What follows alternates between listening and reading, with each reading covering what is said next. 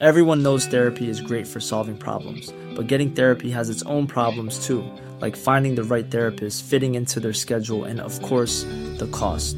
Well, BetterHelp can solve those problems. It's totally online and built around your schedule. It's surprisingly affordable too. Connect with a credentialed therapist by phone, video, or online chat, all from the comfort of your home. Visit betterhelp.com to learn more and save 10% on your first month. That's BetterHelp, H E L P. I'm Sandra, and I'm just the professional your small business was looking for. But you didn't hire me because you didn't use LinkedIn jobs. LinkedIn has professionals you can't find anywhere else, including those who aren't actively looking for a new job but might be open to the perfect role, like me.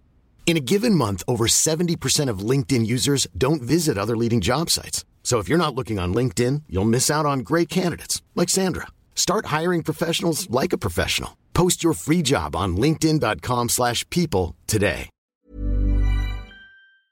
Heb jij, wanneer is voor de laatste dat jij tegen iemand hebt gezegd... Ja, nee, ga niet zo goed, man. Je kan niet iedereen's vriend zijn. Ik geef jou het recht om de hardste grappen te maken. Ja. En dan mag ik dat ook. Zij maakt mij gewoon zachter in alles wat ik doe. Zelf alles bedenken, zelf alles maken, zelf alles editen, filmen. En daar ook nog heel veel naast doen. Ik kan gewoon doorslaan in dingen. En dat Thijs echt tegen me zei... Jij, je bent nu niet meer de vriendelijke guy die je kent. Als het dit jaar niet gebeurt... Dan gaan we gewoon werken. Dan ga ik bij de Albert Heijn werken als het moet. Altijd maar presteren. Dat is altijd maar gas geven. En mensen zijn heel erg gevoelig geworden. Wat je zegt, het is nooit goed.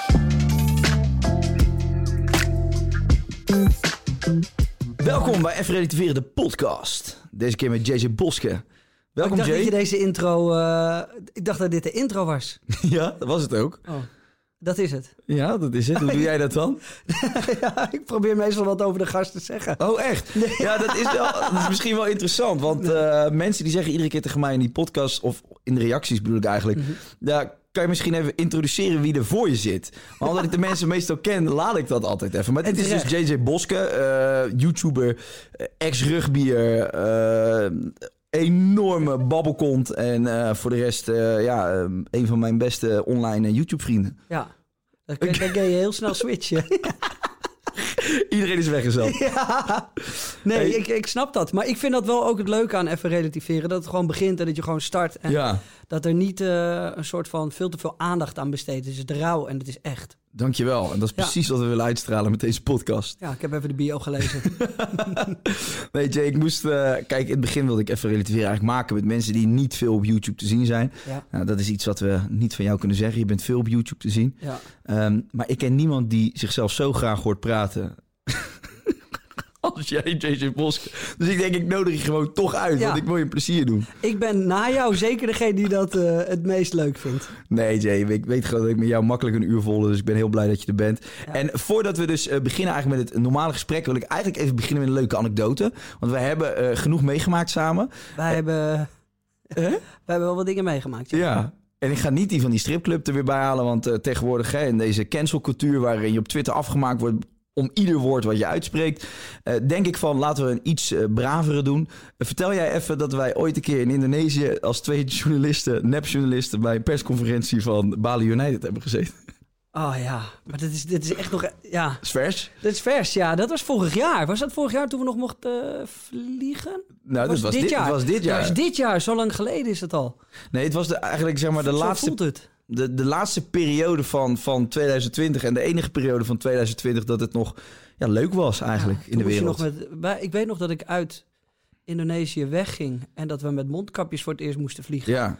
Wij zijn net op tijd weggegaan. Hè? Wij gingen tijd. allebei eh, voor de mensen thuis een, eh, een maand naar Indonesië in, janua op, ja, in januari. En eh, vlak voordat wij weggingen, of vlak daarna eigenlijk, begon, begon de ellende. Echt een week erna. Ja, Heel gek. Nee, ja, wij, wij werden uitgenodigd door Melvin Platje. Ja. Die eh, is nu echt een ster in Indonesië. grappig hè? Ja, Ja. als voetballer zijnde. Eh, die is volgens mij, eh, behoort die tot de topscorers van de league daar. En die zei, jongens, ik voetbal hier op, op Bali, komen jullie wedstrijdje kijken? Nou, wij zijn best wel een beetje voetbalgek. Dus wij die kant op. Dat begon eigenlijk heel braaf. en dan heb ik het al echt over de eerste vijf minuten dat we in de auto stapten. en daarna was het on- ongegeneerd hard bier hakken. En, eh, ja, dat was echt een lange rit ook hè? ja, ja, en het leek wel alsof we ook los waren. Want je bent natuurlijk de hele tijd met je vriendin op vakantie. Ja. En dan moet je toch rustig doen. Weet je wel, dan ben je daar, ja, Bali. Ik weet nog dat we op een gegeven moment met z'n tweeën eh, vol aan de yoga zaten. Totaal niet beïnvloed door onze vriendinnen. Helemaal wij. totaal, niet. Elke dag vegan eten, yoga, dat soort dingen. En eh, dat was ook echt leuk en dat heeft ook echt geholpen. Ik zei ook tegen mezelf, nou dat ga ik doen als ik in Nederland ben. Daar is het niet echt van gekomen. En de- die avond dat we weg mochten, eh, was het los. Ja. Dan hebben we wat biertjes gedronken. Toen kwamen we aan bij Bali United en dat was echt fantastisch. Want we mochten gewoon dat stadion in. En ja, mensen vonden het gewoon vet dat we er waren. En we bluften ons overal doorheen. En toen zaten we opeens op de eretribune tussen alle spelers die niet mochten spelen. Naast de directeur volgens mij. Wat was die bondscoach van Indonesië? Was er ook nog, hè? Ja, toen hebben we ons nog voorgesteld aan de bond. Omdat we steeds lammer werden. Mocht je nog een linksback missen, wij kunnen nog even invallen. Dat soort dingen. Ja, en toen zeiden ze ook nog, toen was de wedstrijd afgelopen, zeiden ze, jullie mogen niet het veld op. En toen zijn we toch het veld opgegaan. Ja, hebben we nog naar de fans gezwaaid, hebben we nog Klopt. een e- een eregondje gelopen. En toen zei Mel van, ja, ik moet, eh, want ze moeten daar volgens mij, elke dag hebben ze een persconferentie, sowieso de coach. Ja. En toen moest hij er de, na de wedstrijd eentje doen. Zeiden, ja jongens, jullie moeten wel eh, rustig aan doen. Ja. Want dit mag eigenlijk nooit. En wij zaten daar echt wel redelijk lam. En toen, eh, ja, toen begon het. Toen tikte jij mij aan zo. En ik keek jou zo aan. En ik wist al. En dan ging die hoor. Handje omhoog. Ja, en, en die, die perschef die negeerde ons in het begin. En toen tikte Melvin hem aan van... Yeah, two uh, journalists from the Netherlands. En toen waren we echt een kutvraag ook van... uh, Hey, uh, there were a lot of uh, supporters from the Netherlands in the stadium. How do you feel about that? Do you want to say something to them? Eh, dus toen mochten we als twee journalisten... mochten we daar eh, eh, de superster van de avond... mochten we even een paar vragen stellen. Dat was wel leuk. Ja, Dat was lachen. Moet je nagaan dat ik dat alweer was vergeten. Heb je dat niet? Dat je eh, op een gegeven moment kom je um, eh, in een periode van je leven... en ik denk dat dat ook komt natuurlijk door het werk wat we doen... laten we Ja. dat niet vergeten... maar dat je zoveel doet... dat je denkt, oh, heb ik dat allemaal gedaan? Ja. Wauw. Het is Ja, echt- maar ook, ook wel het jaar 2020 is gewoon een spek en bonenjaar, voelt het. Want eigenlijk denk je van, oké, er gebeurt weinig, dus het, lijkt alsof het heel langzaam gaat. Maar het is zo snel, want je bent dadelijk ga je richting, kruip je naar september, oktober. Dat is toch een beetje de afsluiting van het jaar alweer. Ja. En dan is 2020 voorbij, hè? ja, het gaat echt snel. En wat een raar jaar was dit. Ja, en dan hebben we het alleen nog maar over dit jaar, weet je. Dan hebben we Ja. het alleen nog maar over... En dan zijn wij, nog op, zijn wij nog gelukkig geweest dat we op vakantie zijn geweest. Ja. Maar voor jou slaat helemaal de bom in. Want twee van jouw favoriete programma's... waardoor je normaal toch Ja. negen weken ben je weg? ja, ik zou achter elkaar, eh achtereen gesloten achter elkaar, iets van negen weken weg zijn. Ja. En dat viel weg. Dus dan, ja, weet je, je planning ligt een beetje op zijn gat. Maar Ja, hoe goed. gaat dat dan? Want alles is geregeld, toch? Alles, ik bedoel, eh, Nou, we hoorden natuurlijk. bezig. Wij draaien Expeditie Robinson draaien op de Filipijnen. Dus dat was sowieso al tricky. Weet je wat een bizar verhaal was trouwens? Onze, eh, onze eh, proevenbouwer. eh, dat is een Nederlandse man. Volgens mij doet hij dat dus voor al die landen. Maar die is heel handig. Dat is een soort timmerman. Dat is echt bizar. Die, is, eh, die gaat normaal gesproken echt vier maanden voordat wij gaan draaien. Gaan, gaan ze al die kant op. Omdat ze die proeven moeten bouwen. En die is dus net voordat de pleuris uitbrak. Is die daar nog naartoe gevlogen. En die zat daar. En toen werd het overal een lockdown. Dus die zat in zijn eentje volgens mij. Met nog een ander Nederlands productiemeisje op de Filipijnen. Ja, zat hij daar vast. Nee. Kon niet meer terug. En volgens mij is hij recentelijk pas teruggekomen. Dus zo, zo bizar was die eh, situatie toen. Maar tot wanneer mocht jij daar, of mochten jullie daar filmen? Want dat, dat hoorde je toch opeens. Want ik weet namelijk, in de wandelgangen hoor je altijd van... nou, er zijn de voorbereiding. Ja. En eh, dan weet je dat er een nieuw seizoen gaat komen. En iedereen is een beetje zenuwachtig. Want je denkt, nou, wie doen er allemaal mee? En, en dan hoor je ineens, ja, het gaat niet door. Maar wanneer weet je dat dan? Is dat dan echt een week van tevoren? Nee, ja, ze hebben dat natuurlijk gewoon constant. ze- je wil het eigenlijk niet afzeggen, want Nee. eh, het is onhandig, het kost geld en ja, op plek 1, je wil dat programma gewoon maken. Dus eh, dat wordt steeds uitgesteld. Maar je moet ook gewoon iets van 80 man crew meenemen. Dus ja, weet je, je moet met al die mensen hun agenda's checken. Van ja, kan jij dan nog? Oké, als we het een maand verschuiven, kan je dan nog? Ja, dat, dat- ik wil niet in de schoenen staan van de mensen die dat moeten produceren. Maar op een gegeven moment ehm, ja, was de kans dat het doorging, was wel, eh, werd wel kleiner en kleiner. En toen is er op een gegeven moment nog eh, geprobeerd om het door te laten gaan met echt krankzinnige protocollen. Dus inenting op het eh, voordat je of een inenting, een test voordat je vertrok. Ja, Test als je aankwam op Manila. Normaal ga je dan in een hotel en ga je daarna met een vliegtuigje. Ehm, maar dat was nu ook allemaal niet mogelijk. Dus je moest daar in een bus, moest je 10 uur door de Filipijnen. kwam je ergens aan bij een plaatsje. Moest je vervolgens 24 uur alleen in een hotelkamer. Werd je de volgende dag nog een keer getest. En dan mocht je naar de plek waar we draaien. Nou, je kent die omgeving een beetje. Ja. Prachtig, maar er is geen reet te doen verder. En dan mochten we ook nog eens niet van het terrein af. Omdat iedere keer als je van het terrein af ging... had je dus kans dat je eventueel weer besmet zou raken. holy shit. Ja, dus, dus de voorpret ging er wel een beetje vanaf. En uiteindelijk is dat gewoon met zoveel mensen... is dat gewoon eigenlijk niet te doen. Nee, maar dan, dan wordt er dus gezegd, we gaan niet. Ja. En dan? Is Ja. er dan nu... eh, want eh, je kan toch ook naar Zweden? Je kan toch ook naar eh, misschien wel de Ardennen? Ja, dus, ja of de Schelling. Ja, of of in Urk. Is ook leuk. Ja, maar bij jou in de tuin in Hilversum. Het zou, ik zei, nou, dat is, is, hij is tegenwoordig wel groot genoeg, de achtertuin. Ik heb hem laten verbouwen, dus het kan. Er zou een half toestel kunnen staan. Een wip. Jullie kunnen met z'n allen bij mij in de kamer slapen als jullie willen. Is ook een beetje survivalen. Ja. Maar is er, niet, is er geen optie dan dat je dat bijvoorbeeld Texel doet of iets? Of eh, Ik, is dat eh, besproken? Ik, ik, ik kan daar niks over zeggen, maar ik denk wel dat we dit jaar nog gewoon gaan draaien. Ja, En dan, dan zal het, eh, dan, dan moet er gekeken worden naar een oplossing. En, vind ik ook wel vet hoor. Ja, ik heb geen idee. Er zijn, er zijn natuurlijk meerdere opties. Weet je, als je voor eh, de tropen gaat, dan, eh, dan, dan zijn er natuurlijk nog wel meerdere landen waar je mooie eilanden hebt. Dus ik hoop dat dat nog kan. Ja. Dus. eh En dan de andere programma's. Gaan die ook niet door? Het is ja, weer deze lange vakantie. ja, ja, nee, dat, dat ziet er beter uit. Oké. Dat ziet er allemaal beter uit. Dus we gaan wel iets doen nog dit jaar. Lekker hoor. En anders gaan wij gewoon weer samen naar. eh, ja, nee, jij gaat vaak naar Texel, hè? Ja. Hoe kom je daar? Nee, Ja, we hebben het over eilanden, we Ja, hebben het over ja. de Filipijnen, we hebben het over nee Bali. ja, Texel is zoiets wat je... Mijn oom woont daar nu denk ik een jaartje of tien. Ja, En ik merkte dat ik op een gegeven moment een beetje aan het ontstressen... of ik wilde graag ontstressen van alles wat je doet. ja. Ehm, maar ik vond het wel ver vliegen elke keer. En elke keer dat, dat vliegtuig en dan gaan we hierheen. En, ja, nee, dat sowieso. Ik vlieg alleen. Ik vlieg zelf, hè. Nee. Zo ver Nee, gewoon Je vliegt helemaal om Europa Nee, heen. Je, je weet toch, op een gegeven moment gaat het toch dat je denkt bij jezelf... ja, het kan niet ver genoeg en het kan niet groot genoeg. En eh, toen dacht ik, ik Ja. wat dichterbij gaan zoeken. Dat is ook wel grappig. Dus, dus dat je jezelf voorneemt van oké, ik ga ontspannen. En eh, daarvoor heb ik een eh, lange reis nodig. En die lange reis zorgt er eigenlijk voor dat je dus niet ontspant. Ja, Dat is eigenlijk heel gek. ja. Maar heb je dat niet? Jawel, ik, nee, ik snap het helemaal. Ik, ik, ik vind een plekje in Nederland waar je gewoon echt ontspant. Dus je stapt gewoon een auto in en je stapt weer uit zonder paspoortcontroles en rare andere fratsen. Ja. is toch eigenlijk het beste. Ja, maar dat is... Ik, hoe vaak heb ik jou geappt en heb ik gevraagd... Hey, kan je, eh, heb je dat huisje nog waar je met Jess hebt gezeten? En dat jij denkt... En ik weet dat je dat haat.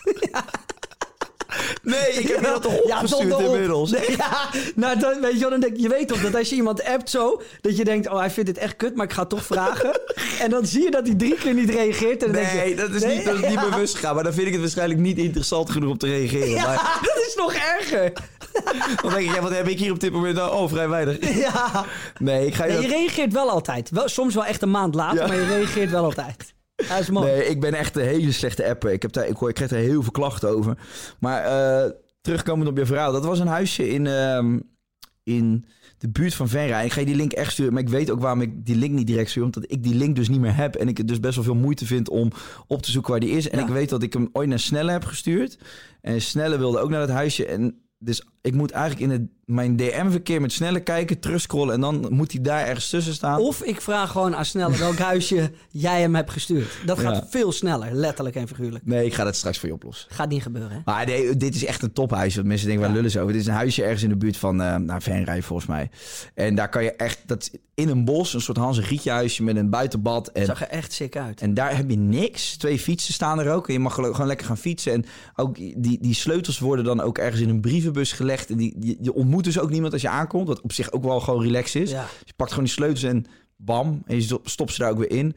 Daar kom je echt tot rust. En ik ben daar toen drie dagen geweest naar mijn theatershows. Dat was echt super, man. Maar jij hebt op een gegeven moment echt gekozen ook voor een... En ik denk dat ik daarom ook... Ik was daar... Ik ben best wel beïnvloedbaar door de rest van, eh, van, van de wereld. Laten we dat voorop Dat jasje, dat heb je toen gezien bij mij op Instagram. En die heb je nu ook. Ja, ja. Wat je nu aan Nee, je hebt helemaal gelijk. dat zou, als dat echt zo zou zijn, jongen. Nee, maar ik bedoel... eh, ik- op een gegeven moment zag ik wel dat jij naar meer rust op zoek was. Ja. En toen ben ik ook wel bij mezelf... En ik merk dat sowieso met iedereen wel om me heen. Dan ben ik... Zelf word ik daar dan ook bewuster van. Ah, Maar is iedereen nu, is er een soort, eh, is de bewustwording wereldwijd, dat, ik heb het idee dat een aantal jaar geleden was het nog heel stoer om te zeggen van, ja, ik slaap niet, hashtag team no sleep, Eh, Mhm. ik werk alleen maar, ik ben echt super productief. ja. En ondertussen gewoon een burn-out aan je enkels. En dat het nu eigenlijk helemaal niet meer kick is om dat te zeggen. En dat het gewoon veel verstandiger ook is om af en toe te zeggen, joh, ik, ik sla wat over of ik Ja. doe wat rustiger aan. Nou ja, ik denk dat de. En ik vind het heel leuk hoor, het digitale tijdperk. Maar ik denk dat het digitale tijdperk waar wij nu in zitten, dat dat zo onvergevingsgezind is. Ja. Met alleen maar altijd invloeden van overal. Ja. En altijd maar online en altijd maar content. En meer en wekelijks. En dagelijks. En Instagram en TikTok en Spotify en alles erop en, En eraan. Twitch. En Twitch. En dan weet je wel, er zijn nog zoveel dingen die ik niet opnoem. En als dat je werk is, ja, dan, dan is er in 24 uur is, is er gewoon te veel. Ben je wel eens bang dat je die, die, al die apps die nu opkomen, op een gegeven moment bereik je, heb je een bereik op, eh, op Instagram, dat doe je gewoon best wel je best voor. En Ja. dat kost ook wel even. En dan heb je dat en dan bam, komt er iets als TikTok. En dan denk je, holy shit. Dat je, kun, je het allemaal, kun je het allemaal nog wel bijhouden? Nou, ik kan het vanuit een werkperspectief probeer ik het bij te houden. Maar ik moet wel eerlijk toegeven dat, ehm, en dit gevoel had ik ook met Instagram hoor, voordat ik begon. Ik vind TikTok niet, eh, ik word er niet heel vrolijk van. Ik word er niet warm van als ik het open. Nee, ik heb het ook nog niet. Ik eh, kan er nog niet, ik kan ook niet, nog niet goed mijn verhalen vertellen. En Nee. denk ja, weet je, ik post maar. Eh, omdat ik er gewoon bij wil zijn en omdat ik weet dat het commercieel sterk is. Mhm. Want je wil straks ook niet achteraan lopen. Nee. Dus je wil er wel rekening mee houden dat het gaat ontploffen. En dat is natuurlijk al aan het doen. Dus je wil er wel zijn. Ik, nee, ja, Want dat verwachten de mensen bijna van je. Klopt. En het is dus zakelijk gezien heel onhandig om daar niks mee te doen. Precies. Maar dan ga ik terug naar het begin. Dan denk ik, kijk, ik ben begonnen met Facebook en later Instagram echt nog vanuit een hobby. Hoeveel pijn deed het toen, eh, toen Facebook het niet echt Ja, deed? dat was ook verschrikkelijk. Want ik was toen volgens mij, eh, ik denk dat dat Defano had je volgens mij en YouTube volgens Ja. mij. Die waren ook groot op Facebook. Ik denk dat wij de drie grootste waren van Nederland. Dat meen ik serieus. Mhm. En eh, dat ging hartstikke lekker. En ik, ik had daar een bereik. En ja, toen kwam Instagram. En eh, ja, toen moest ik die overgang weer maken. En eh, gelukkig heeft Instagram best wel een lange periode heeft gewoon gedomineerd. Maar nu merk je gewoon, TikTok komt eraan. En ja, daar moet je dan ook wel weer gewoon toch een beetje aanwezig zijn. En het probleem is een beetje dat ik in het begin vond ik het allemaal heel erg leuk. Echt hobbymatig. En wat jij nu al zegt, TikTok ga je zien als iets commercieels. Ja. En dan is je een gedeelte van je motivatie droogt dan ook een beetje op. Want 100%. het wordt dan werk. Terwijl we het voorheen, of ik praat vanuit mezelf, ik het echt deed omdat ik het heel erg leuk vond. En nu voelt het wel een beetje. Ik heb Snapchat heb ik gewoon geskot. Ik, Ik denk, ook. daar ga ik niet aan beginnen. Ja. Eh, gelukkig heeft me dat nooit echt problemen opgeleverd eh, qua, qua werk. Twitch, ik weet eigenlijk niet eens wat het is. Begin ik ook niet aan. Nee. En TikTok moet ik zeggen dat ik denk van, nou, ik zou daar wel mijn ei in kwijt kunnen. Maar ik ben nog niet iemand die lekker op TikTok zit te scrollen en denkt, oh my god, dit is zo funny. Ja, maar oké. En dan, eh wat wij hebben de tijden meegemaakt, dat we echt, ik denk niet dat mensen dat weten, maar dat wij aan een tafel zaten ergens na weer een meeting Ja. met een of ander ander platform wat ook niet van de grond kwam. En die zeiden we willen jullie als, als content creators hier hebben. En toen zaten we daarna. En toen was, toen was je echt, begon je op Facebook echt groot te worden. Ja, Maar daar verdiende je geen euro mee. nee, niks. Helemaal niets. En dat we ook tegen elkaar zeiden van. eh, en volgens mij waren die jongens van Street Lab zaten daar ook bij. Ja, ja, klopt, klopt. En dat we met z'n allen zaten. En toen, ja, onze carrières waren echt nul. Ja. Het was echt niets. Terwijl je dan mensen op straat tegenkwam van je school van vroeger en die riepen dan... eh hey, eh, het gaat goed hè met jou? Ja, En dan, dan dacht ik al, ja, op zich wel. Maar die dachten dan ook, omdat je dan bereik had op Facebook... dat je een of andere... Die hadden dan een keer een bericht gelezen over dat er een YouTuber uit Amerika miljonair was geworden. En die dachten dan dat jij... dat het geld tegen de, de plinten aanklotste thuis. terwijl je geen ekkie verdiende Geen ermee. euro. En je pre- presenteerde nog geen programma, Nee. helemaal niets. Nee. En toen hebben we nog tegen elkaar gezegd: als het dit jaar niet gebeurt, dan gaan we gewoon werken. Dan ga ik bij de Albert Heijn werken als het moet. En dat vind ik ook prima.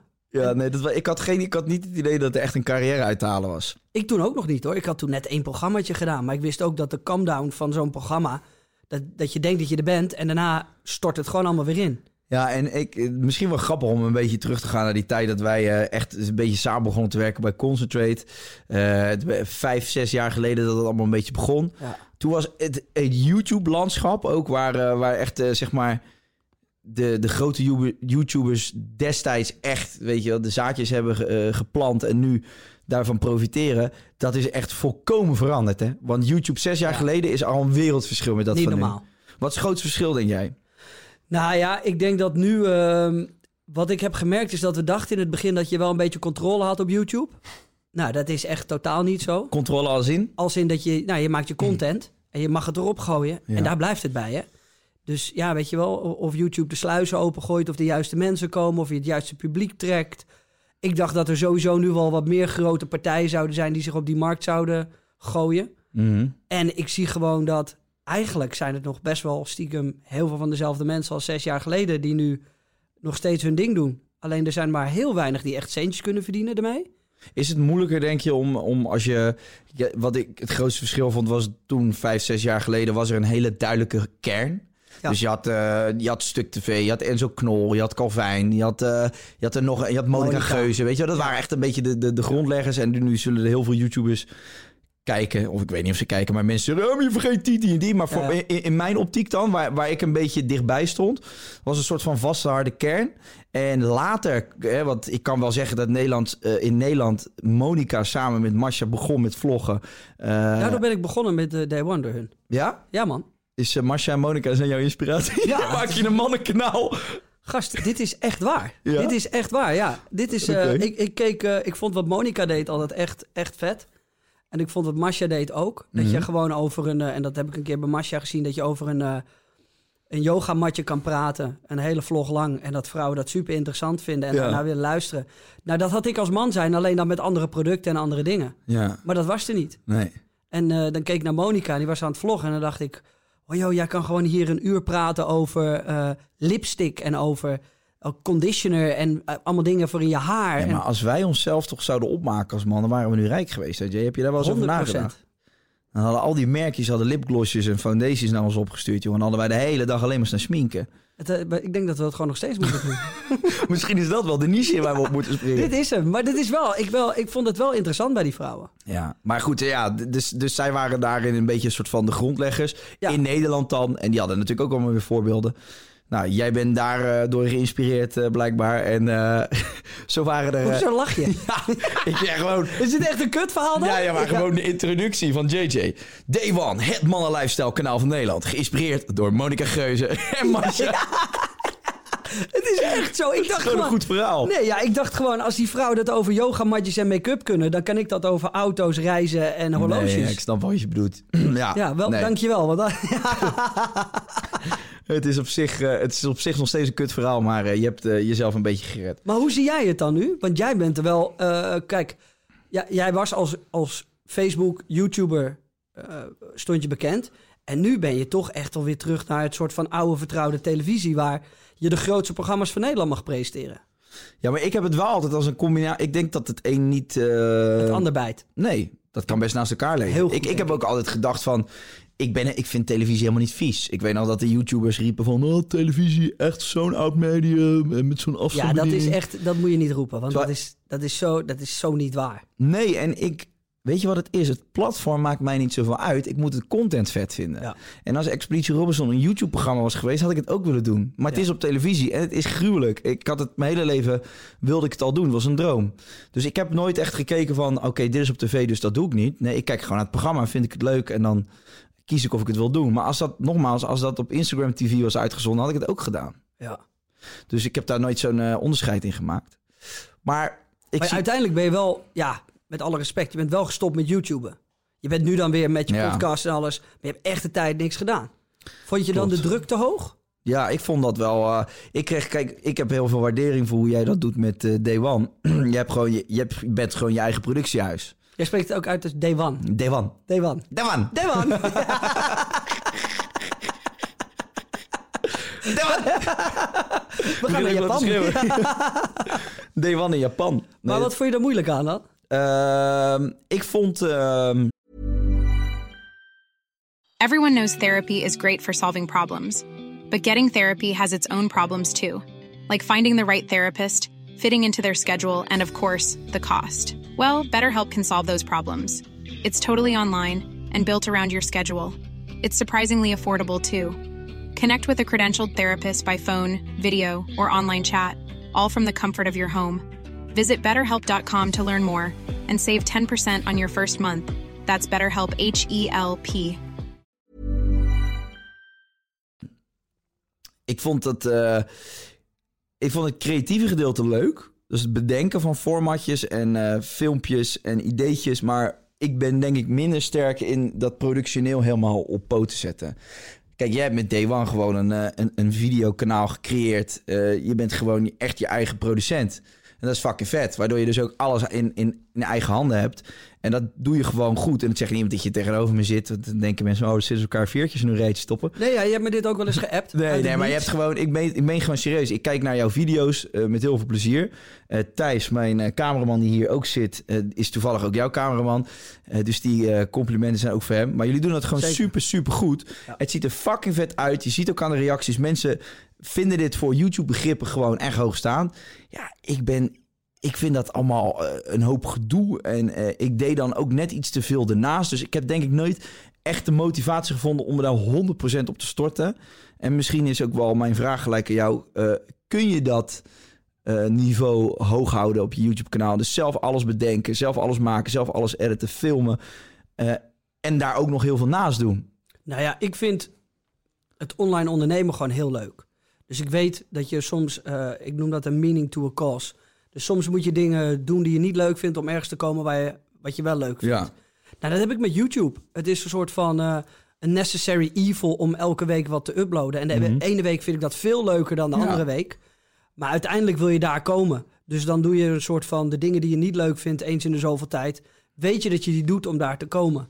En ik denk ook dat Thijs daar een, een best wel een groot aandeel in heeft gehad in, in hoe ik me voel en hoe ik ben.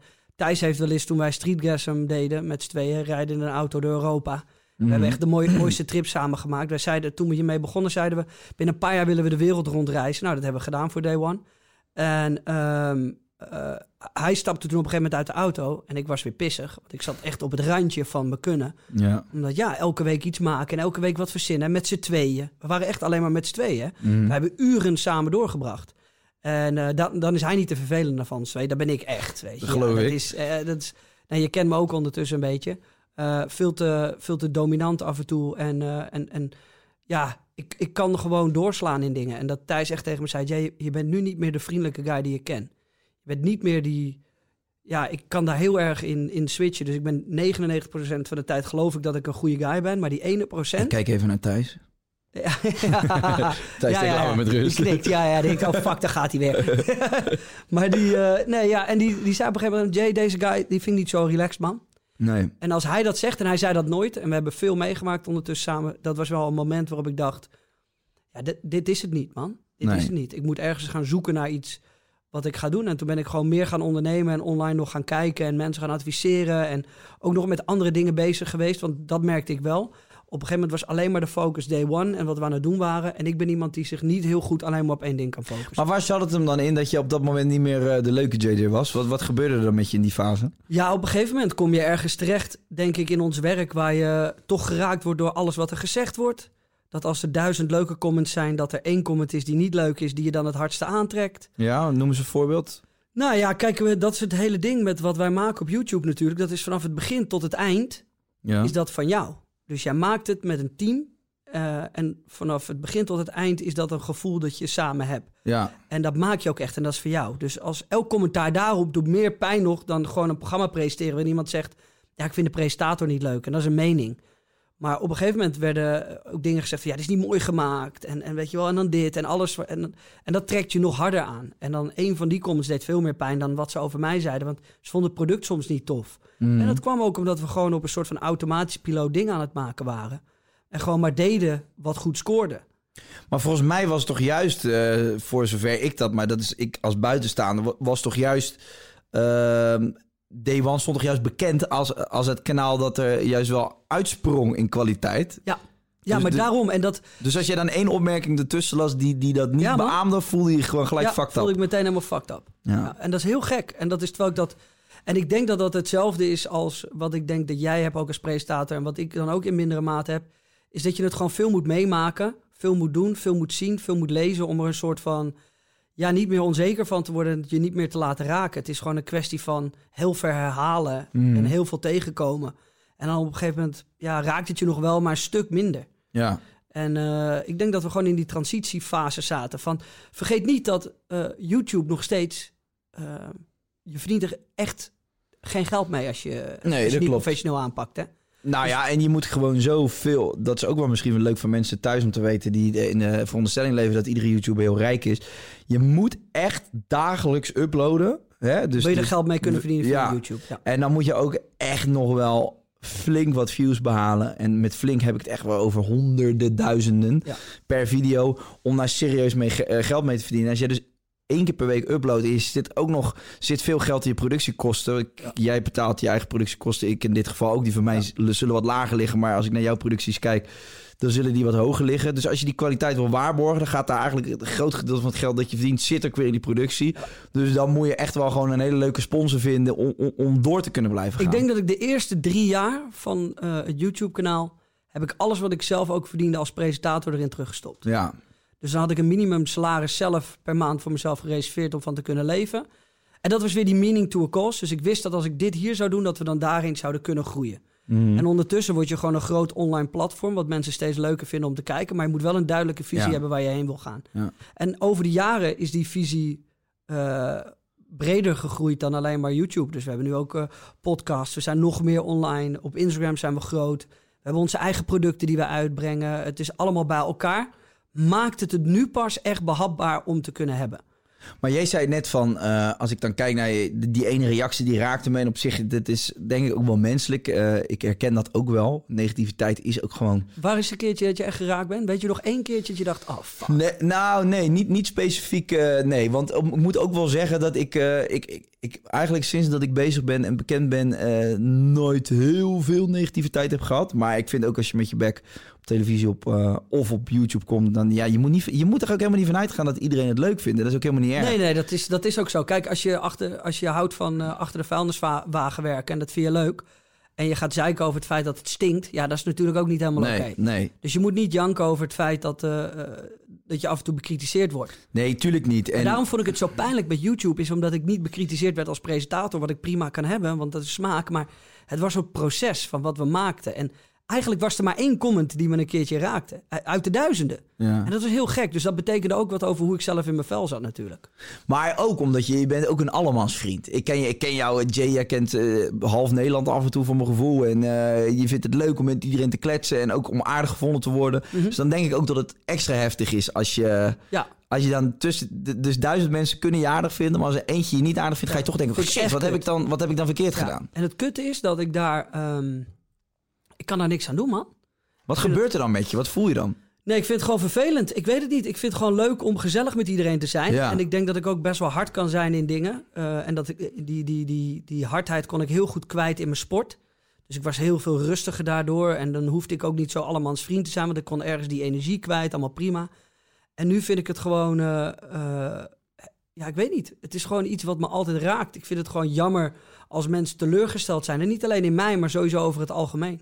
Maar heb je dat, eh, had je dat vroeger al, als kind? Ja, sowieso. Ja? Ja, dat is ook waarom ik altijd... Ik heb bijvoorbeeld... eh, Rugby was voor mij de ultieme uitkomst. Ja, Omdat ik gewoon voor de andere 14 mensen op het veld zo hard kon werken. ja. Ik heb ook, eigenlijk ben ik nooit... eh, ik vond het nooit leuk om kampioen zelf te worden. Ik vond het wel leuk om te winnen. Mhm. Maar ik deed meer voor het team. Dat vond ik Ja. echt leuk. We samen met je vrienden kampioen worden. Ja. Dat vond ik het allerleukste. Mhm. En eh, jij bent trouwens de eerste die dat ooit vraagt. Hè? Dat is echt eh, omdat je, we elkaar misschien ook goed kennen. Ja. Ehm, denk ik dat ik zeker een allemansvriend ben. Wat ik ook wel eens moeilijk vind, omdat ik vind dat ook, je kan niet iedereen's vriend zijn. Nee, daarom juist. Nee, dus ja, je legt jezelf ook heel veel druk op. Daarom. En, ik, en mensen gaan je daardoor ook een soort van denken, ja, pff, suffert, weet je wel. Je kan Ja. niet met iedereen bevriend zijn. Ja. Doe even normaal.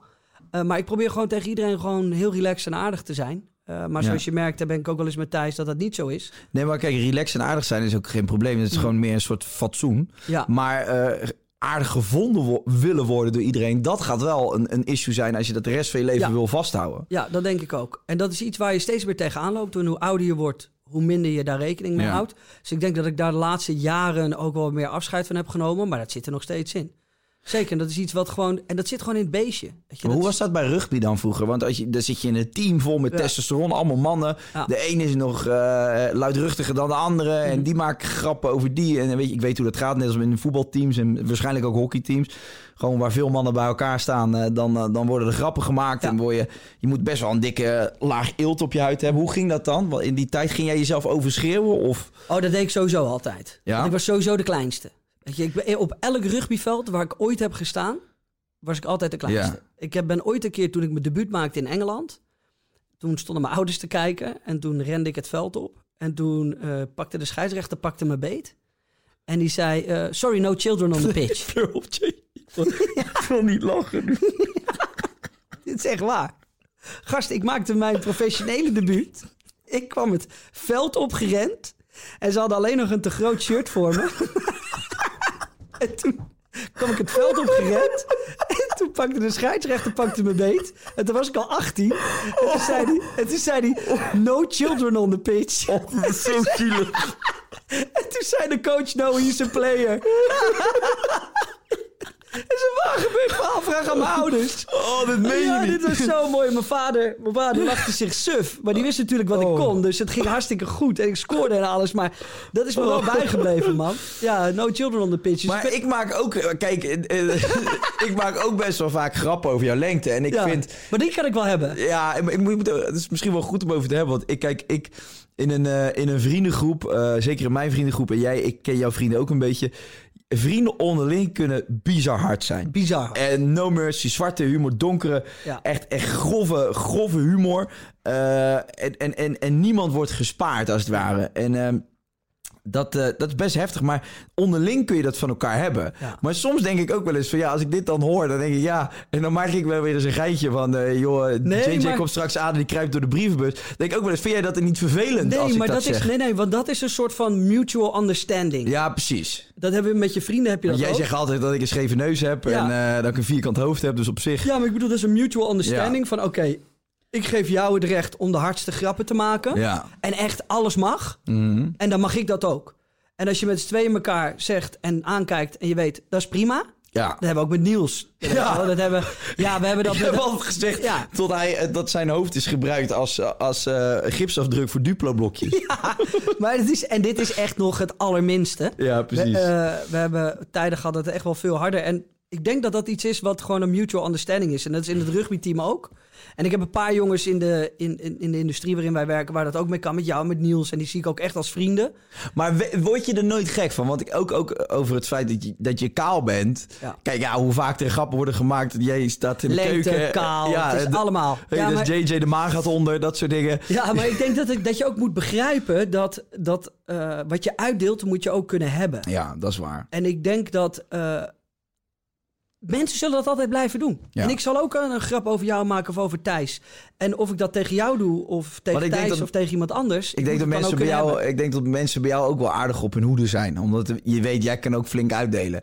En Ja. je weet, als ik, als ik een vlekje op mijn shirt heb, dan kom jou toevallig tegen, weet ik dat ik daar drie grappen over krijg. Ja, bijvoorbeeld. en, en dat is wel zijn ding. En ik kan dat dus heel goed tegen iedereen doen. En dat komt ook wel eens heel kut over. Ja. Dus het is altijd een- mix en een match van kijken met wie en wat kan het wel. Maar die hardheid eh, in grappen Mhm. en ook nog eens altijd aardig gevonden willen worden, is een hele ja, dodelijke, dat is echt een... is echt een hele dodelijke combinatie, kan ik je vertellen. Ik kan grappen maken en dan kan ik echt drie seconden later, Busy zei dit laatst tegen me, let op, dit gaat hij doen.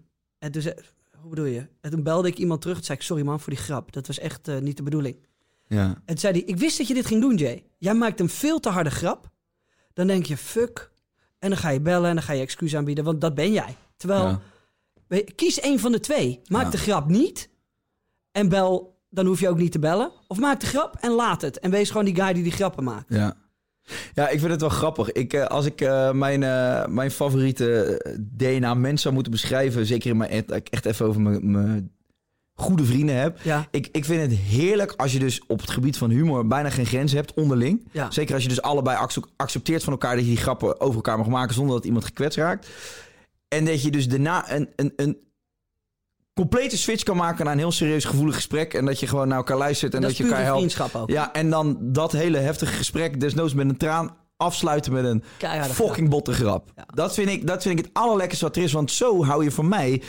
eh, het heet even relativeren deze podcast. Ik vind het leven moet je blijven relativeren Mhm. op heel veel vlakken. En, en, en met humor kun je relativeren. Ja. En wat ik dus wel jammer vind aan wat er nu eh, eh, wereldwijd aan de hand is, is dat ook door social media mensen zijn heel erg gevoelig geworden. Ja. En ik moet ook eerlijk zeggen, weet je wel, grappen maken. Eh, als je nu een cabaretier bent, je maakt niet meer dezelfde grappen als tien jaar geleden. En je bent veel meer aan het opletten. En je bent veel meer aan het kijken. En ik vind het wel eens jammer, weet je. Want ik hoef ook geen mensen te kwetsen. Maar ik vind ook niet dat we zo snel gekwetst moeten zijn. En daar zit een beetje een soort van... Ja, waar ligt dan eh, de grens en waar ligt de balans daarin? Tussen wat kunnen we nog wel zeggen en hoe, Ja. hoe houden we het netjes en beschaafd? En dat is best wel lastig, lastig gebied, vind ik. En wat dus ook moeilijk is, dat als je dat altijd met je vrienden doet, dat het een soort van gewoonte wordt. Precies. En dan ga je denken, oh fuck, dat kan niet meer. En dan raak je in paniek en denk, oh, die kan ik niet meer daar zeggen. En ik, Nou, heb, ik heb dus twee, eh, heb je, eh, eh, heb ik twee maanden geen YouTube gemaakt. Of ik heb twee maanden niets gepresenteerd. En dan ben ik alleen maar met mijn vrienden geweest, grappen gemaakt. En dan zie ik meteen in mijn eerste keer dat ik ergens op het podium wat sta te presenteren. Kom ik binnen en maak ik een grap. En dan zit iedereen me aan te kijken zo. En denk ik, oh shit, die had ik niet moeten maken. Ja. En dan, weet je, de- omdat je er zo gewend, gecondici- geconditioneerd bent in die grappen te maken, wordt het weer normaal. Ja. Ja. en dan, dat is hoe je echt je carrière kapot maakt. Ja, en dat is dus eigenlijk heel jammer, hè? Ja, Want vind ik, vind wel, eh, de, de, de, de kern is ook om jezelf te blijven. Maar op het moment dat je groeit en meer mensen kennen je, krijg je eh, te maken met eh, het feit dat je door je woorden mensen kunt kwetsen. Terwijl jij iets zegt waar je totaal niet op die manier over nadenkt. Dat dat de manier is waarin jij jezelf al vaker uit met je vrienden. En daar zit je in een veilig gebied, want iedereen accepteert dat van elkaar. En zo is, zo is dat gewoon, zo ben je bijna opgegroeid. Op het moment dat je bekend wordt, kun je dus eh, eh, mensen tegenkomen die uit een compleet andere omgeving komen. En dat dus niet gewend zijn en dat dus heel grof vinden. Ja. Of, en dat vind ik wel eens lastig. Is dat, is dat een van de dingen waar je ook wel eens druk om maakt? Nou, nee, want ik, ik, ik maak me er niet per se druk om. Maar ik vind het, ik vind het wel zorgelijk dat we steeds minder eh, van elkaar kunnen hebben. Ja, En- dat is, en ook omdat we het, ik denk dat we het, vooral op social media, soms belangrijker vinden om elkaar terecht te roepen, Absoluut. dan eh, echt te kijken naar hoe het bedoeld is. Ja. We gaan eerder iets roepen om maar te zeggen, oh, oh, de wijzende vinger. Want dat is social media geworden, de Ja, wijzende vinger. Om je eigen ego maar te laten zien, kijk eens, ik sta hierboven. Terwijl je misschien wel heel anders denkt. Mhm, Klopt. Dat vinden ze vaak belangrijker dan te denken en het misschien in context te plaatsen. Ja.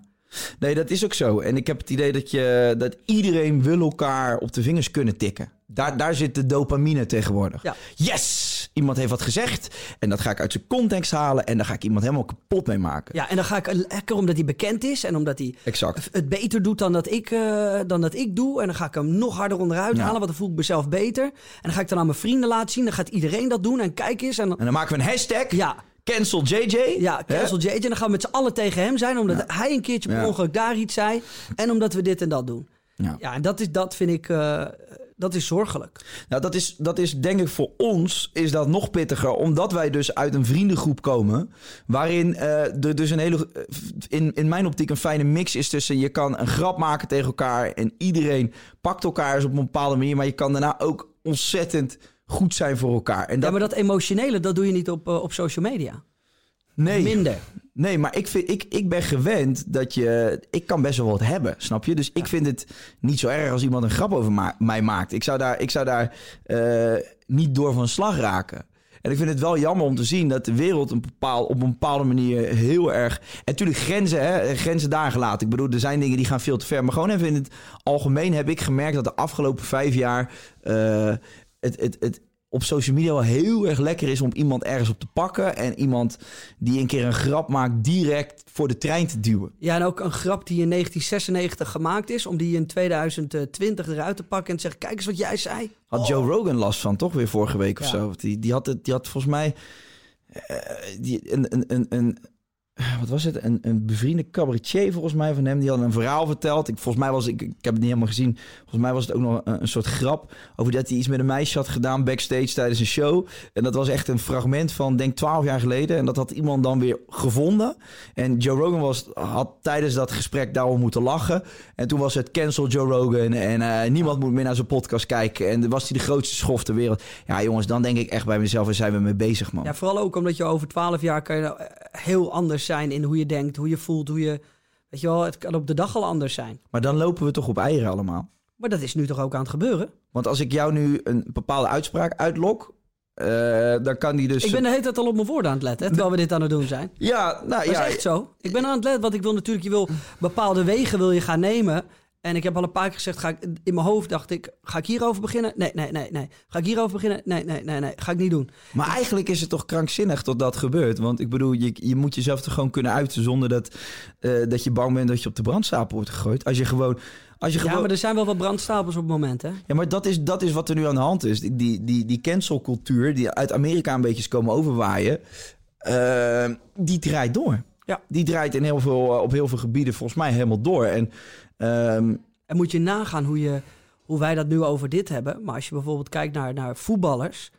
En als je kijkt naar in Amerika als topsporter, als je een keer een slechte wedstrijd hebt. Of je doet wat en dan heb je niet eens wat gezegd of gedaan. Dan kunnen ze je al helemaal vergallen. Dat hebben we nog niet eens, hebben we dat nog niet eens meegenomen. En het feit dat iedereen, als je maar een slechte wedstrijd speelt. Laat staan dat je wat slechts zegt. Dan moet je al eh, verdwijnen. En is het helemaal kut. Dan ben je de slechtste speler op aarde. het is raar eigenlijk, Jay. Want ik zit te denken, ik heb in deze podcast misschien dat mensen ook weer roepen van...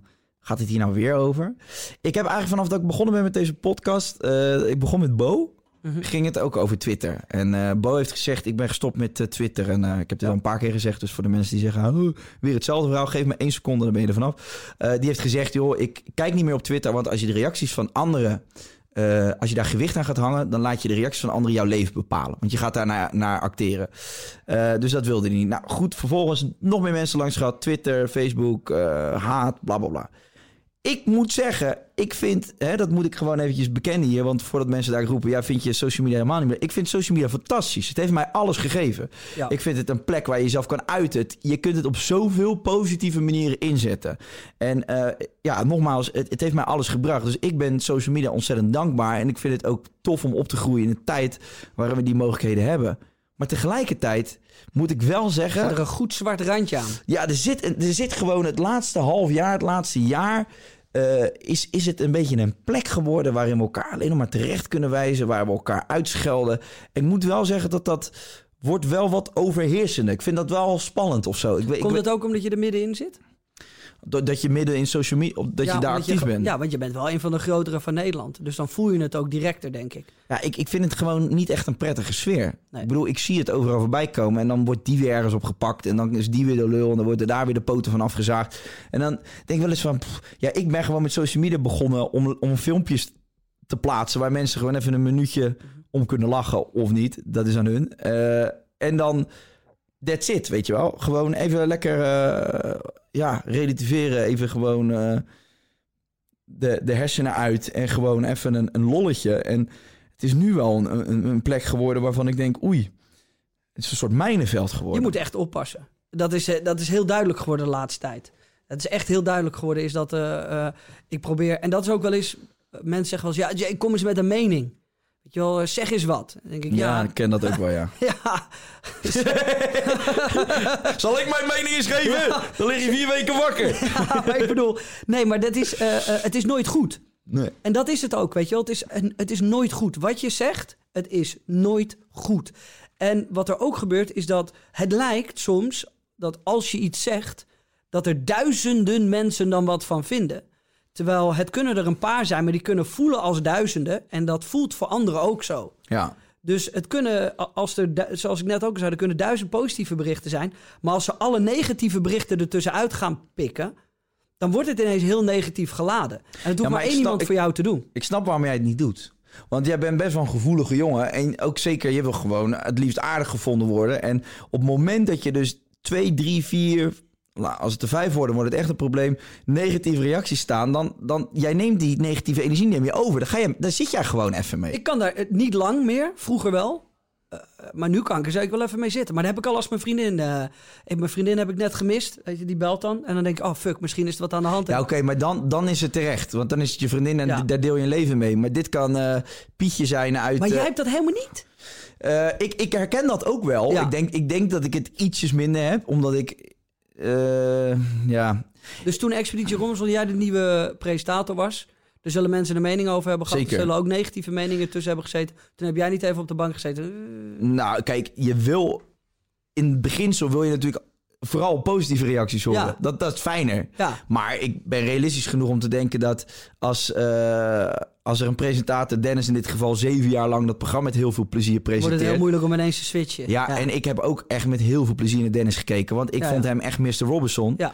Eh, als je dat overneemt, ja, geloof mij nou maar... dan eh, gaan er in het begin heel veel mensen zeggen van... "Pff, het is niet meer hetzelfde en die Kai is een stuk minder leuk dan Dennis. En Dennis had dat onder de knie. Daar moet je ook realistisch in zijn. En dat, ik vond dat... Ik moet wel zeggen, ik heb, of ik denk dat ik me daar goed genoeg op heb voorbereid... Ja, ik denk om dat dat wel is. redelijk... eh, ik heb daar niet echt wakker van gelegen. Is, er wel, is er wel eens iets waar je wel wakker van hebt gelegen?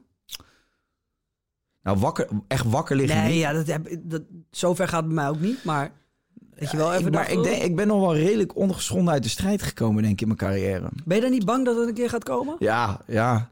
Het, het, het- ja, het, het zou niet gek zijn. Op zich zeg ik redelijk eh, vaak wat ik denk. En eh, ik, heb ook wel, ik ben ook niet op mijn mondje Maar jij gevallen. kan er ook makkelijker mee wegkomen, want je bent een soort van comedian, toch? Je bent een soort van, dus die, daar kan je daar, je kan je altijd verschuilen achter een grap. Ja, ik heb in keistypetjes eh de meest platte, eh, smerige, ranzige, grove dingen gezegd de afgelopen... eh, En als ik die gewoon zeg zonder een typetje te doen, dan is het klaar. Ja, maar ik vind ook wel dat je... Ik bedoel, als jij acteert in een serie speelt een acteur ook iemand die die niet is. En dan is er ook nog een rol van een, van een verschrikkelijke vent die misschien eh walgelijke dingen doet. En dat vinden we ook tof om naar te kijken. Ja. Dus ik vind het in mijn geval vind ik het grappig om een typetje te kunnen doen die dingen zegt of doet die ik zelf nooit zou zeggen. Ja. Maar dat is toch ook, ja, dat is, dat is leuk om jezelf op die manier eh, een soort, soort van. ehm, dat is hetzelfde met theater. Ik bedoel, ik vond het leukste wat er was. Dat je gewoon een theatershow doet en dat je daar echt theater aan het maken bent. En dat je een, een stukje van jezelf eigenlijk een soort van enorm uitvergroot op een hele overdreven manier. Dat is het leukste wat er is. En daar kan je dus ook een hoop in kwijt. Daar, en daarom heet die show ook even relativeren. Ja. Omdat het je moet het re- leven relativeren. Je moet jezelf niet serieus nemen. En je moet het leven niet te serieus nemen. En dat is dus wat ik wel eens doe. Ik denk Ja? allemaal wat ik doe wel af en toe te serieus, ja. Ja, maar ik denk Ja, dat nee, veel maar dat komt ook bij het feit als je monden moet voeden, als je mensen moet betalen en echt een bedrijf wordt en dingen. Dat ik in het begin geen rekening mee gehouden. Is dat je op een gegeven moment moet je ook voor mensen gaan zorgen. Weet je, wel. je, je betaalt ook salarissen. En, Ja. en mensen moeten gewoon elke dag naar werk kunnen. Ze moeten de, de- naar hun zin hebben. En ze moeten op de beste apparatuur en met de beste apparatuur werken. En dat, daar komt op een gegeven moment een soort druk bij kijken. En die heb ik nooit aanzien komen. In het begin was ik eh, veel frivol en dacht, oh, we doen dit, oh, we doen dat, oh, gezellig. En ja, dat, dat, ik denk, daar, dat kwam er op een gegeven moment ook bij kijken. En daar, dan ga je nog meer nadenken over wat je aan het doen bent. En doe ik het wel goed? En ik denk dat we nu ondertussen een stuk of volwassener aan het worden zijn en dat het allemaal wat minder is. Mm. Maar ja, dat gevoel van mensen pleasen, dat zit er nog steeds in. En heb je dan ook met je werk dat in hetgeen wat je bereikt, dus nog even los van het feit dat mensen je aardig vinden, maar dat je het gevoel hebt dat, dat je iets wil bereiken ook voor, voor anderen? Dat anderen je dan op waarde inschatten van, oh kijk, Jay Ja, heeft dat bereikt. Ja? Tuurlijk. Ik denk dat dat er altijd bij mij wel in zit. Dat, dat, dat kan er niet uitgeramd worden. Omdat dat is iets waar je mee op bent gegroeid als je een soort van topsport hebt gedaan. Mhm. Dat is altijd maar presteren. Dat is altijd maar gas geven. Altijd maar met het team samenwerken. Nog hoger, nog beter. Er was geen plafond. Mhm. Dus heel moeilijk als je dat 20 jaar hebt gedaan om dat eruit te kunnen rammen natuurlijk. Maar het wordt wel steeds minder. Ik merk wel dat ik steeds meer aan het maken ben. En de podcast bij ons is daar denk ik een heel goed voorbeeld van. Gewoon maken wat je leuk vindt. En gewoon maken waar je happy van wordt. Maar weet je wat, wat, zeg maar, als jij, jij plaatst iedere week een aflevering toch voor Day One? Ja. Hoe, hoeveel... eh, Eén keer, één keer of twee keer per week. En ehm, dan heb je bijvoorbeeld, eh, ik zeg wat, eh, je laatste aflevering met QC's volgens mij werd in een dag echt krankzinnig veel bekeken, toch? Ja. Dan heb je echt zo'n zo'n knaller van een aflevering. Hè? En dan, Ja. daar kan je even twee dagen op vooruit, toch? Qua, qua dopamine, even dat gevoel van, oh lekker. Maar dan moet je die volgende week weer. Dan komt die nieuwe aflevering. En dan is die, telt die aflevering van Tel deze week al weg. niet meer mee. Nee, is weg. Dat is die druk. Hoe ga je daarmee om? Dat, zeg maar, het eindigt nooit. Nee, maar dat is weer het voordeel van eh, de topsport. Is dat ik elke week wedstrijden speelde. Mhm. Dus was gewoon elke zaterdag moest ik weer eh, mezelf opladen. Ja. En je was zo goed als eh, je laatste wedstrijd. Ja, precies. Dus eh, dan had ik op zaterdag gespeeld. Dan werd ik op zondag wakker. Dan mocht ik nog een beetje genieten van wat er was gebeurd. En dan op maandag moest je gewoon weer vlammen. Want dan stond de zaterdag weer voor de deur. Ja. Dus dat, dat is gewoon hoe ik het ook heb gezien. En daarom denk ik dat één à twee keer per week echt max is om je geluk eruit te kunnen halen. En twee keer per week is al best wel heftig. ja, zeker. Want je vergeet dat je op zaterdag uploadt. Nou, dan denk je dat je weekend hebt, maar je weekend is weg. Want je bent alles aan het checken. Je bent alles aan het plaatsen. Je bent alles aan het doen. Iedereen is toch nog druk ermee. En ik denk dat dat voor ons wel de max is. Twee keer per week. Ik denk dat anders word je heel snel heel ongelukkig en neemt het helemaal je hele leven over. Ja. Dus het is best wel berekenend over de jaren gedaan.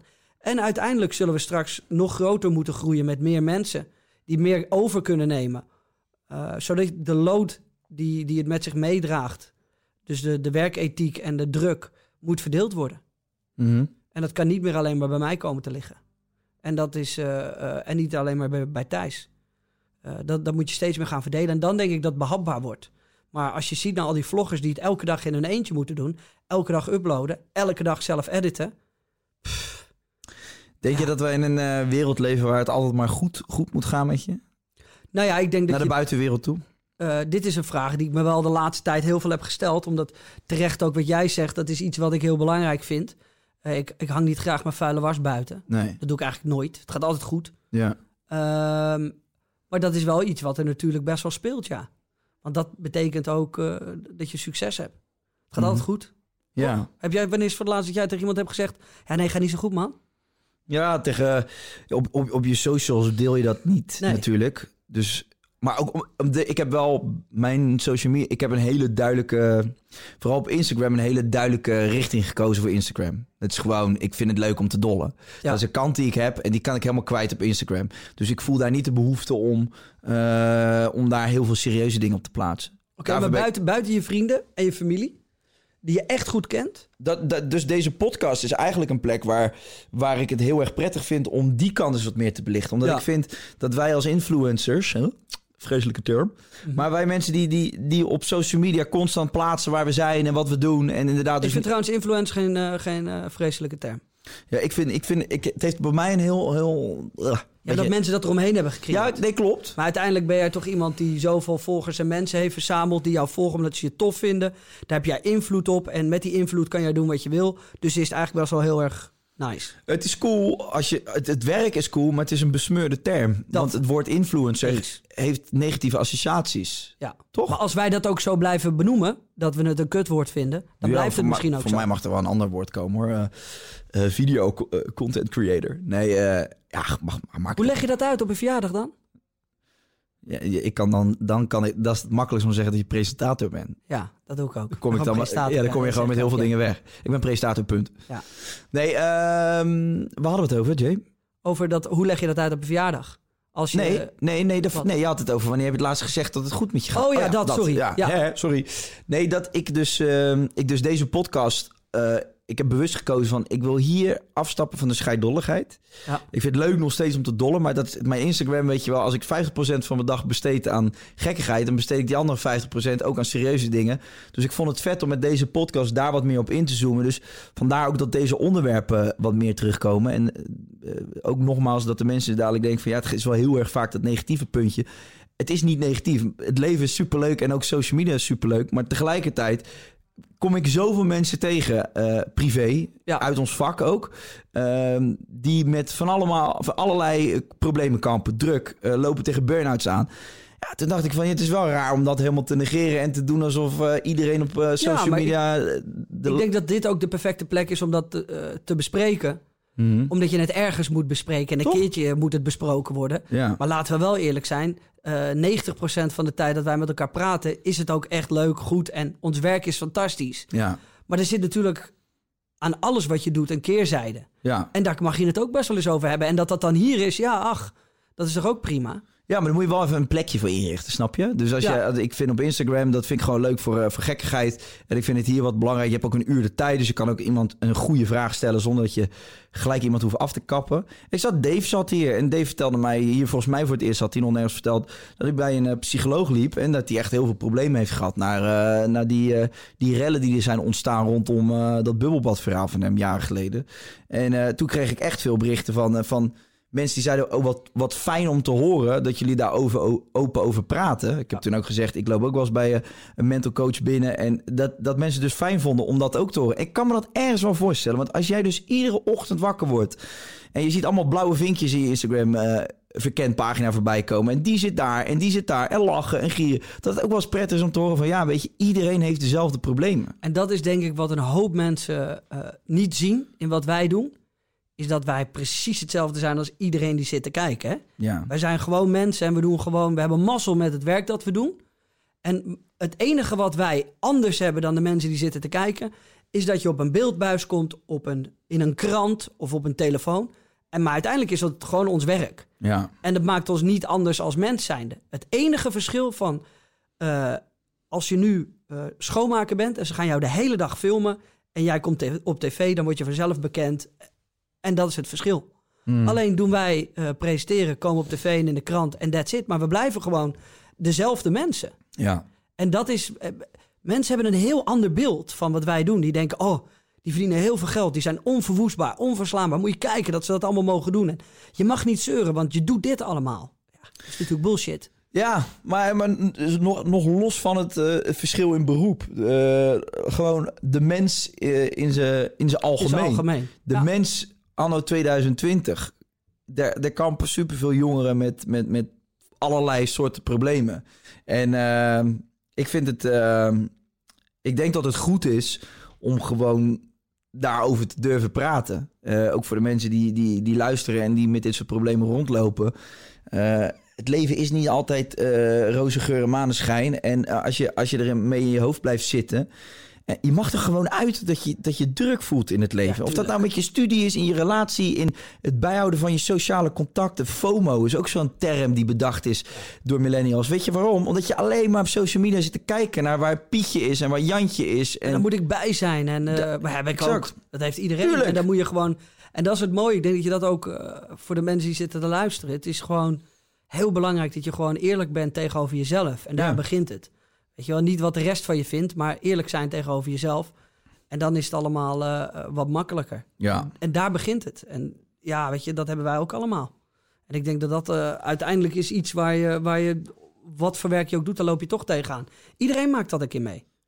Heeft jouw vriendin je veranderd? Heel erg. Ja, en wat voor, wat voor, wat voor manier?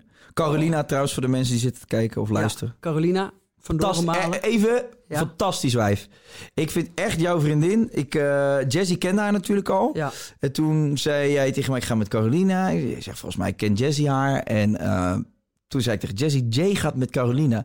En Jessie sprong nog net een gat in de lucht. Want die zei, dat meen je niet, dit is zo top. En ik heb haar natuurlijk ook leren kennen inmiddels. En echt een fantastische vrouw. Hartstikke lief, knap, goed gedaan. En nou hou ik mijn mond. Jay, vertel. Ja, ik denk dat uh, Jesse en Carolina een beetje dezelfde zielen hebben. Ja. Die kunnen gewoon goed met elkaar, dezelfde energie. En uh, ze kunnen ook heel goed uh, met z'n tweeën, denk ik. en ik denk dat ze dat ook, in ieder geval Carolina doet dat bij mij, wat jij net ook zegt. Carolina kan heel duidelijk haar beslissingen nemen. Het is nu even te veel, dus doe ik het niet. Um, ik voel me even niet lekker, dus doe ik het niet.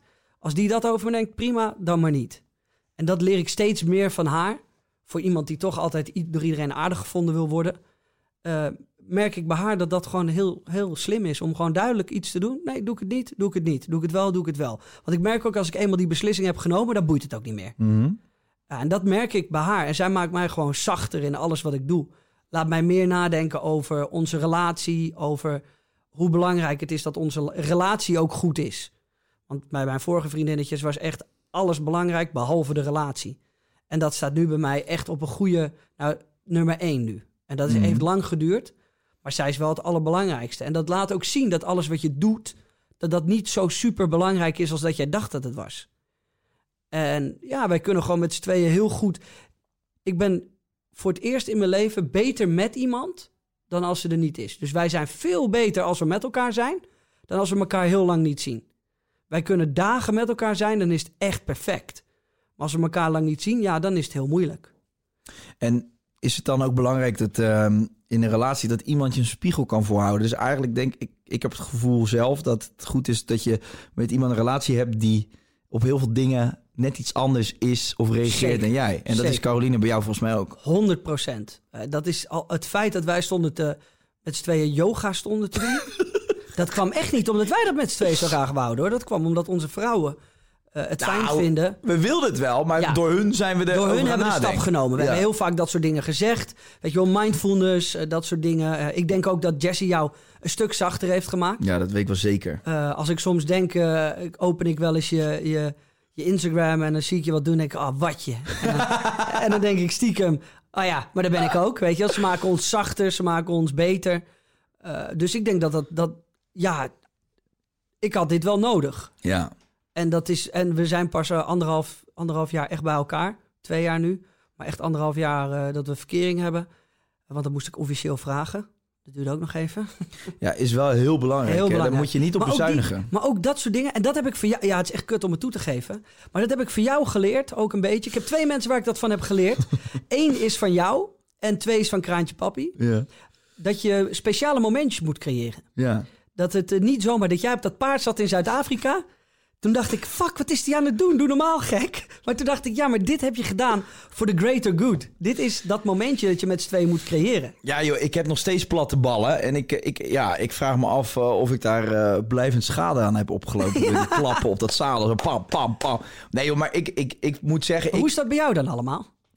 ik denk dat het er bij mij altijd wel, eh, wel in, in zat. Maar dat, dat je, ik ben heel lang vrijgezel geweest. Dus ja, dan kies je toch... eh, dan ben je automatisch meer bezig met het rebelse leven, toch? Ja. Vrijgezellen, feesten, lekker eh, met je vrienden op pad. Maar ik zat... Ja, ik moest eigenlijk gewoon iemand vinden bij wie ik dat kon uiten. En ik weet dat Jazzy, ja, die was helemaal gek van paardrijden. Ik heb niks met paardrijden. Nee. Maar dan denk ik wel van, ja, ik doe haar daar heel veel plezier mee. En dan, het klinkt heel zoet, maar dan vind ik het, het feit dat zij een leuke dag heeft, vind ik dan belangrijker dan het feit dat ik wat minder leuk heb op een paard met Ja. platte ballen. Dus nee, ik vind het, ik vind het ook wel leuk. En eh, ik denk wat Jesse bij mij wel...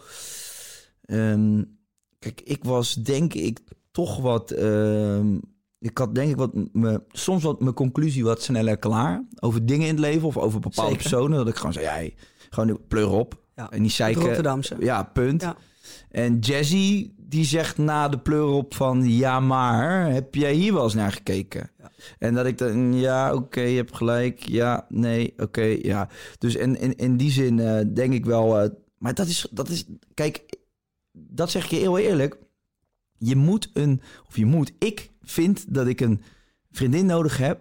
die mij kan inspireren en waar ik dingen van kan leren. Want Ja. dat is ook een onderdeel van een relatie. Dat je elkaar een beter mens maakt. En... ehm, ja, ik, ik, ik hoef geen ja-knikker. Ik wil geen vriendin die op alles wat ik zeg zegt... Ja, liefje, doe me. Nee. Nee, ik wil een vriendin die tegen mij durft te zeggen van... Joh, Kai, Ja, nou is even ook- normaal. Even normaal en kijk eens naar de andere kant. Ja. En, ja. En dat je een discussie hebt. En dat je ook regelmatig nog zegt van... Ja, je had gelijk. Ik vind dat leuk. En andersom ook, weet je. Mhm. Jess, ik heb, bedoel, Jess heeft ook... eh, ik heb Jess denk ik weer wat harder gemaakt. En dat dat het ook wel echt nodig was. Ja. Eh Jessie liet veel te makkelijk over zich heen lopen. En ehm, was te goed gelovig weer op haar beurt. Dus, dus in die zin eh, eh, zegt zij dat over mij weer. En, ik- en, en zij dus op de andere manier weer bij mij. Dus ik denk dat, dat je daar een soort goede balans moet vinden of zo. En hoe is dat bij Caroline? Wat, wat is echt hetgeen wat je van haar geleerd hebt? Ja, dat, precies. Ja. Ik denk dat onze vrouwen daar best wel... Ik, kan, ik heb Carolina, denk ik, meegenomen in het zakelijke... wat sterker zijn en wat meer nadenken. En zij leert mij meer dat ik niet voor iedereen eh, altijd maar eh, alles hoef te doen. Ja, Maar dat als je het doet, dat je het wel goed moet doen. En ook, eh, ik had, had ook vaak mijn mening klaar. Dan ja. zeg ik, ah nee, Weet je, wij kunnen met z'n tweeën echt... wij kunnen twee appjes en het is uitgesproken. ja, ja. En zij kan dan ook echt zeggen van... ja, je moet misschien toch ook wel even naar de andere kant kijken, Jay. En hoe zit dit en hoe zit dat? En ja, het is gewoon wat... wat, wat eh, ik wil niet zeggen softer, want het klinkt heel negatief... maar ik ben wel wat zachter geworden daardoor. ja. En gewoon ook bewust van het feit dat je af en toe ook zwakte mag tonen. ja. Dat is helemaal niet zo heel erg, Jay. maar heb jij, heb jij dat niet... Heb jij dat, want dat is natuurlijk... Jij bent opgegroeid met voornamelijk je moeder. ja. Heeft dat niet ook te maken met dat je gewoon ook een stukje beter weet hoe je eh, eh, res- niet respect moet hebben voor vrouwen? Dat, ze heel, dat klinkt heel negatief. Maar ik bedoel dat je gewoon wat meer met. Want als ik bijvoorbeeld eh, alleen met mijn moeder was opgegroeid, had ik misschien wat meer begrepen van de vrouw. Want ik ben natuurlijk best wel goede heel vraag. erg naar mijn, naar, mijn naar mijn vader altijd al Ja. en dit en dat. En als ik dat niet had gehad, was ik misschien wat meer, misschien wat meer van de vrouw begrepen. Als ik ook zie hoe jij met je moeder bent, vind ik fantastisch. ja. Je komt Eh, gewoon even over naar Bali. Ja, ja, nee, ik ben gek op mijn moeder. Maar dat, Ja. die, die band wordt natuurlijk eh, nog wel sterker als je Precies. samen met je moeder opgroeit. Ehm, maar ja, dat is een goede vraag eigenlijk. Ik heb er eigenlijk nog nooit echt zo over nagedacht. Ik, ehm, kijk, ik, ik heb gewoon wel heel veel liefde gekend vanuit mijn moeder en mijn tantes. Hè. Mijn moeder heeft nog drie zussen of twee zussen. En eh, vroeger mijn oma, dat was die vier bij elkaar. Dat was echt, dat, dat, ja, waren alle vier zo lief. En mijn moeder heeft mij wel echt normen en waarden bijgebracht. Dus die, die wat, wat luidruchtigere, grovere kant, eh, ja, die, die heb ik niet per se van mijn moeder. Dat is duidelijk je vader. Ja, nou ja, ook, ook niet eens echt. Want mijn vader was ook wel rustig. Mijn vader, ik had wel een beetje dezelfde humor als mijn vader. Maar eh, zowel mijn moeder als mijn vader waren niet van op de voorgrond treden. De- Dat vindt me, toen mijn moeder mee moest, toen ik de televisie eh, Talent Award had gewonnen, ja, moest zij naast mij zitten en kwam ze dus op beeld en moest ze met mij over die rode loper. Dat vond zij een nachtmerrie. Daar heeft ze echt, ik heb daar echt moeten overhalen. Ik zei, mam, jij bent de belangrijkste vrouw in mijn leven. Jij moet, aan, jij moet naast mij zitten. Ja. En, en dat, ja, dat, was, dat was ik zo schattig. Dat moest ik echt eventjes eh, op de inpraten. Toen heb ik die hier op kantoor bij, eh, had ik aan mijn manager gevraagd, aan Talisa, van kan jij mijn moeder mooi laten opmaken door iemand? En eh, dus dat was, dat was, uiteindelijk was het fantastisch en is ze blij dat ze het gedaan heeft. Maar dat, dat was echt een heel uh, karwei. Dus dat heb ik niet van mijn vader en van mijn moeder. Maar mijn moeder was wel, mijn moeder werkte in de gehandicaptenzorg, is gewoon altijd super begaan met iedereen. En als wij vroeger vriendjes over de vloer hadden... en mijn moeder kon ook ruiken als het niet goed ging met een van mijn vriendjes. En die nam ook echt de tijd. Die ging dan echt naast zo'n jongetje zitten en zeggen van... gaat het goed met je? En die praten daar dan over. Dus ik heb dat wel altijd eh, gezien van hoe zij dat deed... en hoe prettig mensen dat kunnen ervaren als je naar mensen luistert... en eh, dat je de tijd ervoor neemt. Dus ik denk dat ik dat wel misschien wel van mijn moeder eh, een beetje heb. Dat is, en dat is ook wel, ik, ja, ik vind dat heel knap. En dat is iets wat ik eh, echt mezelf, ja, klinkt raar, niet mezelf heb aan moeten leren, maar ik heb er wel meer rekening mee moeten houden. Ja, Eh, en dat is iets wat ik, ja, ik vind dat je van de omgeving waar je mee omgaat ook dingen moet leren. tuurlijk. Dus en dat vind ik het leuke. Dan kijk ik naar jou en dan kijk ik naar Kraantje. En dan kijk ik ook, mijn vader is daar ook een heel goed voorbeeld van. Die draagt mijn moeder op handen. En dat vind ik heel belangrijk. Ja, En ik heb nu de vrouw gevonden waarbij ik dat ook graag wil doen. ja. En ik denk dat ik bij mijn vorige vriendinnetjes dat gewoon dat gevoel nog niet had. Dat ik dat heel graag eh wou. maar waren ze ook, dan waren het ook toch niet de ware. Nee, dat denk ik niet. Ik denk dat dat, dat dat toch wel gewoon... Je voelt echt wel als man... eh, wanneer je de vrouw bent tegengekomen waarvan je denkt... Ja, maar luister, hier ga ik mezelf gewoon... Hier durf ik mezelf wel een beetje op aan te passen. Want ik wil gewoon dat dit werkt en klopt. Precies. Is dat Jessie voor jou? Ja, zeker. Ja. Nee, ik heb nog nooit in mijn leven gehad dat ik eh, zo content ben met iets. Nee, maar echt, als in, ik was altijd, ik heb hiervoor ook relaties gehad en niks ten nadele van die meiden. Ik heb leuke relaties gehad, maar ja, altijd wel ergens in mijn achterhoofd dat ik wist van, hier, dit is niet het einde of zo. Ja. En ik heb dat nu wel. Ik En dat zei je wel, maar dat was... Dan voelde je dat toch niet echt? Nee. Dat, je weet toch hoe dat ging? Maar dat, dat was ook niet raar, want ik was toen ook een stuk jonger. Ja. En ik heb ook eh, vier jaar lang de tijd genomen. Ik ben v- vier jaar vrijgezel geweest voordat ik weer eh, in iets als een relatie stapte. Dus... Ja, vrijgezel geweest. je hebt niks van gemerkt, zeker? Daar gaan we ook nog een keer een podcast over volgen. maar die zet ik wel privé of vanmorgen. Man, man, man, man, man.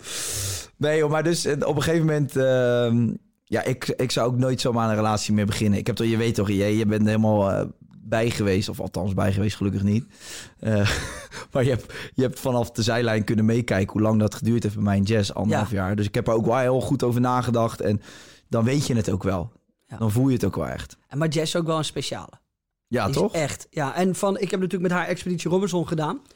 En eh, toen ze dat deed, dacht ik, oh nee, dit is niet iemand waar ik... eh, die, die, die was nog niet helemaal met hoe zij... Nee. Ik was ook, bij het feit dat ik een verschrikkelijke lul was... en ook dus nog niet ready... eh botsten onze dingen heel erg. Ja. Ehm, en een, echt een jaar later kwam ik er tegen en dacht ik, wauw. Jess en ik, wacht. Jess en ik zijn er volgens mij bijna tegelijk uitgegaan met Expeditie Robinson. Ja. En tijdens Expeditie Robinson dacht ik, oh nee. En toen was ik in gesprek met de na Expeditie Robinson. En toen dacht ik ineens, shit, wat heb ik iemand kunnen onderschatten? En toen begon ik iets te voelen bij Jess. Een soort van vechter en een strijder met alles wat ze had meegemaakt. En, en hoe ze voor zichzelf zorgt en de moeder. En dat ik dacht, wow. Ja. En toen leerde ik er steeds een beetje beter kennen, omdat ik er steeds weer wat vaker tegenkwam. Ook met Expeditie Robinson en alles, wat je daarna allemaal moet doen. En toen heb ik heel veel respect gekregen voor Jess. Dat ik Ja. echt dacht, wauw. En uiteindelijk is ze nu echt een soort van hele sterke powervrouw geworden, vind ik. Dat Ja, ik bij mijn vriendin ook. Ja, absoluut. Nee, dat, ik ben ook heel, eh, ik ben heel blij mee. Ik vind dat inderdaad bij jouw vriendin ook. En als ik het eh, cirkeltje daar rond mag maken, want we zitten ook op 1 minuut, 1 uur en 15. Oh nee, we hebben wat in aangezet. Nou, ik denk wel een uurtje zitten. Lekker. Hoe grappig is het nog even, Jay, tot Ja. slot. Dat dus eh, jij, ehm, jij en ik waren tegelijkertijd vrijgezel. Ja. Eh, toen hadden we het vooral over eh, alle losse contacten. En eh, toch nog wat meer de praatjes van... ja, ja als, ik, als ik over tien jaar nog vrijgezel ben, vind ik het ook prima. En nu hebben we dus allebei een vriendin... die dus ook nog eens allebei goed bevriend met elkaar zijn... waar we allebei heel blij mee zijn. En die verdomme ons ook nog een beetje in de positieve zin veranderd hebben. Ja, het is nu wachten totdat we het verneuken. het is nu wachten tot we onze eigen ruimte ingooien. en, hier, en hier stop ik de podcast. Ja, het is te goed. Hey JJ, hartstikke bedankt voor je komst. Ik vond het gezellig. En eh, ja, we zouden zo nog een uurtje voor kunnen. Kom nog een keer terug als je het leuk vindt. Vind ik gezellig, gaan we doen. Oké, top man. Mensen, weer bedankt voor het kijken. En ik hoop dat je het allemaal een beetje overleefd hebt, dit uh, geteeleut van die twee. Uh, tot de volgende keer. Vergeet niet te abonneren. Ik zeg het eigenlijk nooit, want ik vind het een, een nare zin. Ik een beetje van dwingend ook. Maar mocht je het nou leuk vinden... Jay, hoe, hoe pak je dat aan? Je hebt zoveel abonnees op YouTube. Hoe moet je dat nou vertellen aan de mensen? Doe jij het eens voor mij. Nou, ik denk gewoon dat als de mensen hebben geluisterd... dat ze het ook echt leuk vinden. En dan is even abonneren niet de moeite, toch? Het kost geen geld. Uh, hey. Je hoeft alleen maar op een knopje te drukken. En je helpt jou er heel erg mee om meer mooie content te kunnen maken. Kijk, dat zijn ze, Jay. Dank jullie wel. Doei, doei. Later.